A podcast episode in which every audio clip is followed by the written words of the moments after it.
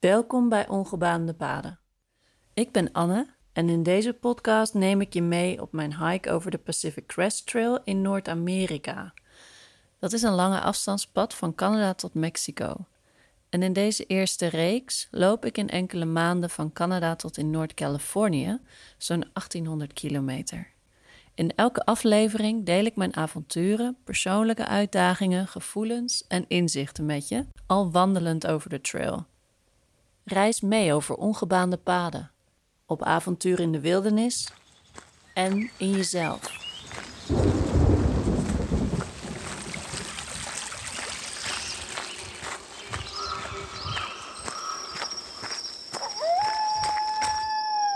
In deze eerste aflevering ben ik als voorbereiding op mijn Pacific Crest Trail avontuur voor het eerst alleen wild kamperen in Nederland.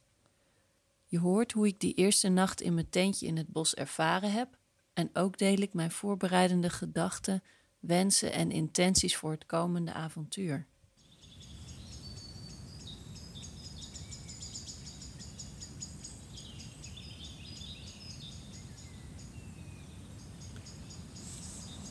Ik ben Anne van Ongebaande Paden en de komende zomer wil ik je meenemen op een reis waar ik mezelf ook op ga meenemen. ik ga de komende zomer twee à drie maanden naar Noord-Amerika. Ik ga de, een deel van de Pacific Crest Trail lopen. Dat is een route die loopt van Mexico tot aan Canada. Aan de westkant van Amerika over de bergketens. En ik ga het noordelijk deel daarvan lopen. Dus de Vanaf de Canadese grens ga ik naar het zuiden lopen, door de staten Washington en Oregon. En wie weet nog een klein stukje van Noord-Californië. En ik ga dat doen omdat ik daar al heel lang heel veel zin in heb. Uh, het is iets wat eigenlijk voor het eerst in me opkwam toen ik in Canada was dat is een ander verhaal, maar ik was in Canada. Ik woonde daar met mijn vriend samen. En ehm, ik heb daar vijf maanden gewoond. En na een paar maanden had ik ehm, werk gevonden.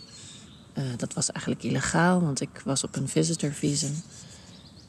Maar ik kon wat uh, bijverdienen uh, om eh, marshmallows te verkopen in een winkelcentrum.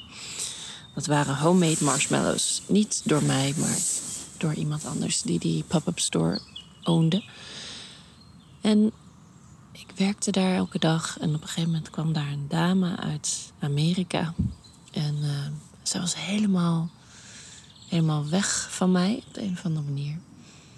Oh ja, dat had waarschijnlijk te maken met het uh, schattige stippetjes uh, schort wat ik voor had. En mijn vlechten die ik à la Anna van Frozen aan de zijkant had. En ja, zij was helemaal uh, enthousiast en ze zei iets in de trant van...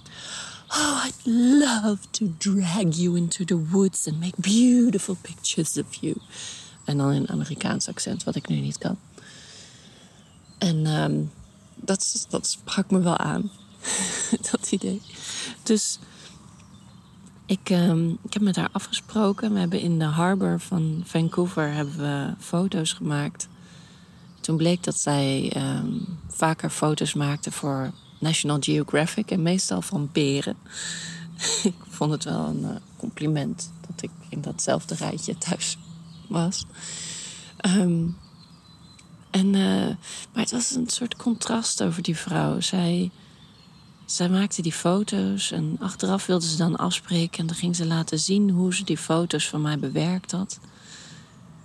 En dan uh, had ze sproetjes bijvoorbeeld verwijderd of rimpeltjes weggehaald.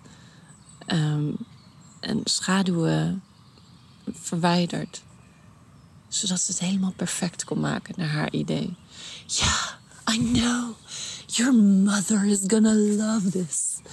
Oh ja, want dat was een onderdeel. Ze vond het een verschrikkelijk idee dat mijn moeder, die ze nog niet kent of nooit gesproken heeft of We hadden het er überhaupt niet over, maar nee, het was bijna kerst. En ze vond het zo erg dat mijn moeder mij moest missen met kerst.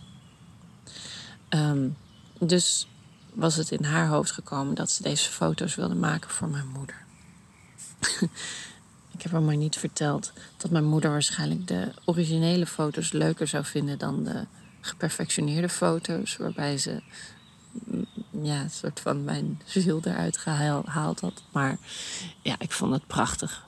Ze zei nog van, ja, ja, oh ja, dat vertelde ze, dat die haartjes, die, de kleine haartjes die ook vrouwen op hun gezicht hebben, die, uh, ze zei van, ja, if, if you were a model, I would, I would ask you to remove them, to shave you. But of course, I wasn't gonna ask you. Dus daar hadden we een heel gesprek over. Maar dat geeft een beetje aan hoe. Mm, ja, een soort van niet natuurlijk. Maar tegelijkertijd was ze dan fotograaf van beren en adelaars en allerlei natuur voor de National Geographic. En ehm, toen vertelde ze mij over een reis die ze gemaakt had in Amerika. En dat ze dus een half jaar in de wildernis gelopen had met een tentje en wat eten. En dat bleek de Pacific Crest Trail te zijn, waar ik toen nog nooit van gehoord had. Dus toen kwam het idee in mijn hoofd. Later kwam natuurlijk ook die film Wild. En uh, Into the Wild was natuurlijk al veel langer geleden. Dat had me al eerder geïnspireerd om in mijn eentje de Pyreneeën in te gaan. Maar dit was uh, wel weer next level. Om een half jaar weg van huis te gaan en in de natuur te zitten. Het leek me heel. Het intrigeerde me. Het leek me ook onhaalbaar op dat moment. Ik weet niet waarom. Het idee is toen binnengecijpeld. En in de loop van de jaren daarna, dat ik eigenlijk langzaamaan weer mijn outdoor reizen ben gaan oppakken en uiteindelijk ook reisbegeleider ben geworden. Wandelreisbegeleider. Elke reis dat ik weg was, kwam ik wel weer een keertje in een gesprek terecht waarin ik het had over hoe intrigerend me zo'n tocht leek, zo'n lange afstandsroute. En deze zomer gebeurde dat weer. En in de herfst daarna. Mijn vriend die, uh, die zei op een gegeven moment van... Ja, maar waarom ga je dat dan niet doen? Ik hou je niet tegen. Ik weet hoe gelukkig jij wordt van in de natuur zijn. Waarom ga je dat niet gewoon doen? Ik had nog bezwaren. Ja, maar ik kan toch niet een half jaar weg zijn van mijn relatie, van mijn bedrijf. Maar toen kwam het idee dat ik misschien ook wel drie maanden kon gaan, of twee maanden, of gewoon een periode die mij overzichtelijk leek. Ik hoef niet per se die route af te maken. Het gaat mij niet zozeer. het gaat me niet zozeer om het bewijzen dat ik die route kan volbrengen. Ik denk dat ik dat kan. En als het niet kan, dan zijn dat ook gegronde redenen. Maar ik zou het heel graag langere tijd in de natuur willen zijn. Om te ervaren hoe dat is. Maar ook omdat ik verwacht dat het in de natuur zijn en in het ritme van het lopen komen dat het een hele hoop ruis van het dagelijks leven weghaalt. En dat er meer ruimte ontstaat. En als die ruimte ontstaat, dan denk ik dat uiteindelijk je mind ook wel wat stiller wordt. En dat het makkelijker wordt om te luisteren naar de andere geluiden in je in je lijf en in je ziel en in je, ja, in je wezen. En mijn intentie is om met deze tocht dat volop te ervaren en te aanvaarden wat er ook komt. En om dichter bij de natuur te komen en dichter bij mijn natuur te komen. Want ik geloof dat dat is wat ik nodig heb en dat dat iets is wat veel mensen misschien ook wel nodig hebben. Dat onze samenleving misschien ook wel nodig heeft. Maar dit is even ingezoomd op mijn eigen ervaring. En wat het later nog te vertalen valt naar anderen of groter dan dat. Dat zien we wel. Misschien is het wel alleen een ervaring voor mij. Want ik geloof er ook in dat als het goed is voor mij, dat dat dan ook goed is voor de mensen die ik tegenkom. En de mensen waarvan ik hou en de mensen in mijn omgeving.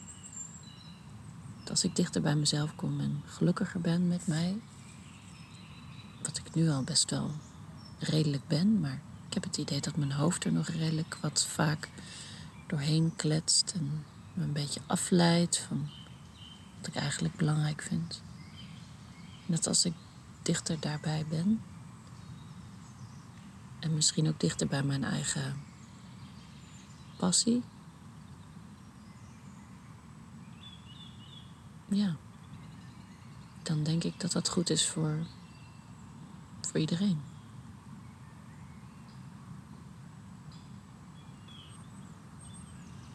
En als het ware ben ik de reis nu al begonnen. In mijn voorbereidingen en ook in een soort innerlijke zoektocht qua voorbereiding. Van oké, waarom ga ik dit doen? En wat wil ik eruit halen? Ik denk dat dat ook al belangrijk is.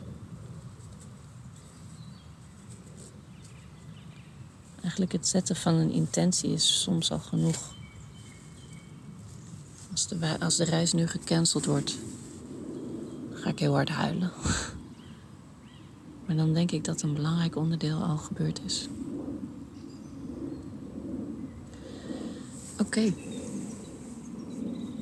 Voordat ik nog meer filosofische teksten ga delen tot in de eindigheid. Dit is eigenlijk een beetje mijn voorbereidende idee van de route.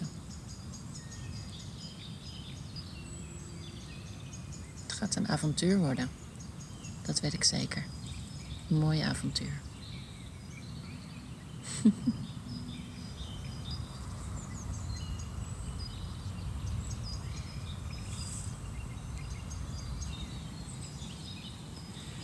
ik zit hier in de ochtend in mijn tentje. Ik heb net een nacht wild kamperen overleefd. En ik uh, ben dit gaan doen omdat ik ergens een beetje verwachtte dat ik komende zomer het wild kamperen in mijn eentje eng ga vinden. Vooral in het donker dan. De, de boogie man die dan uit alle hoeken kan kruipen. Dus vandaag, uh, gisteren eigenlijk, ben ik op een wandeling gegaan tussen Hilversum en Amersfoort. En ben op zo'n paalkampeerplek gaan kamperen om gewoon even te ervaren hoe dat is om dat in je eentje te doen. Het toch wel heel anders is dan met een groep wilt kamperen of, of met je vader, wat ik laatst ook heb gedaan. Maar ik had verwacht dat ik het wel een stukje enger had gevonden dan dat het was. Nergens last van gehad eigenlijk. Um, dan moet ik wel erbij zeggen dat toen ik hier gisteren aankwam, de paalkampeerplek, dat ik meteen al een paar tentjes zag. Het bleken er echt een stuk of acht te zijn of zo. En het is allemaal wel heel erg verspreid over het bos. Ook lang niet binnen de 10 meter dat je eigenlijk aan zo'n paal gekluisterd moet zijn. Dat is een beetje het cruë van wild kamperen in Nederland. Het is heel wild maar wel op een beperkt stukje grond. Je moet 10 meter afstand houden. Um, maximaal 10 meter afstand houden tot de paal. Ik heb die paal eigenlijk niet gezien, maar ik dacht sowieso. Die boswachters gaan vast niet meer controleren na vijf uur. Er zijn er wel belangrijkere dingen te doen op zaterdag. Nou, dat bleek ook wel te kloppen, want volgens mij mag je hier maar met drie tentjes zijn. En we stonden er dus met acht. Er kwam nog een stel bushcrafters tegen en die gingen nog ergens in het bos een plekje zoeken. Die deden dat wel vaker. Die vertelde dat deze paalkampeerplek vlakbij Hilversum binnenkort opgeheven gaat worden... omdat er te veel zwervers op afkomen. En party animals die met auto's en scooters en muziek hier vuur komen maken wat niet mag. Maar het is toch jammer, want in Nederland zijn er vrij weinig mogelijkheden om een beetje dicht bij de natuur te zijn en wild te kamperen. Eigenlijk niet, het mag gewoon niet. En die paalkampeerplekken zijn de enige legale manier. Dus ja, wie weet, de volgende keer ga ik illegaal wild kamperen in Nederland. Als het moet, dan wordt het. Maar, nou ja, dat heeft misschien wel een stukje van de boogeyman ervaring weggehaald. Aangezien hier in de buurt andere mensen zijn. Uh, zwervers weliswaar, maar ik heb geen last van ze gehad. En het maakt ook wel verschil dat je hier. Ik ben hier heel dicht bij huis eigenlijk. Ik kan een dagje lopen en ik ben weer thuis. Ik hoor hier de A28 op de achtergrond maakt allemaal natuurlijk dat het een wat minder wilde ervaring is. Maar een goede, goede ervaring.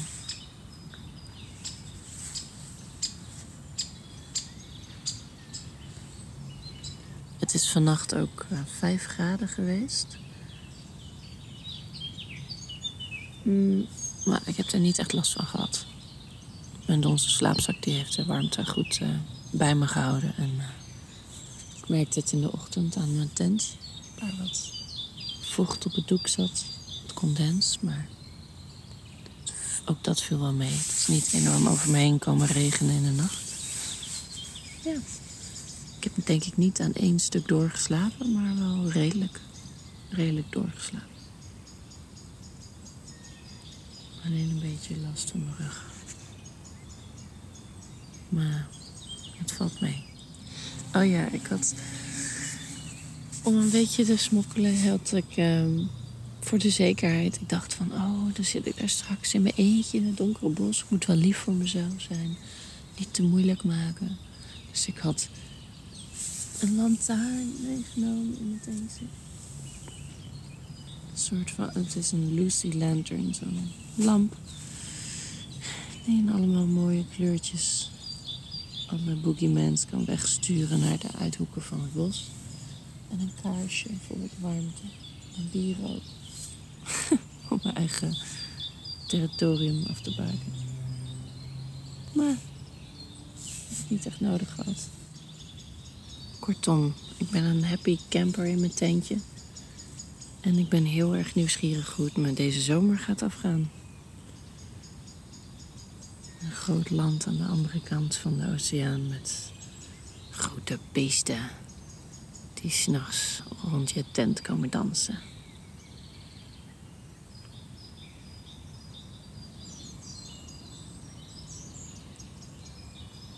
We gaan het zien.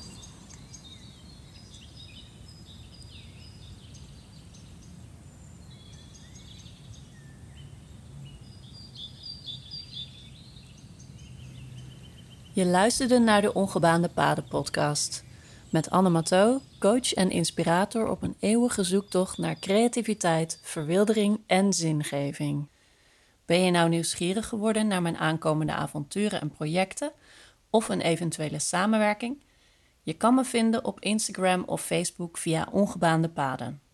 Of op mijn website www.ongebaande-paden.nl. Ik hoop dat je genoten hebt van deze aflevering en ik wens je een hele mooie dag.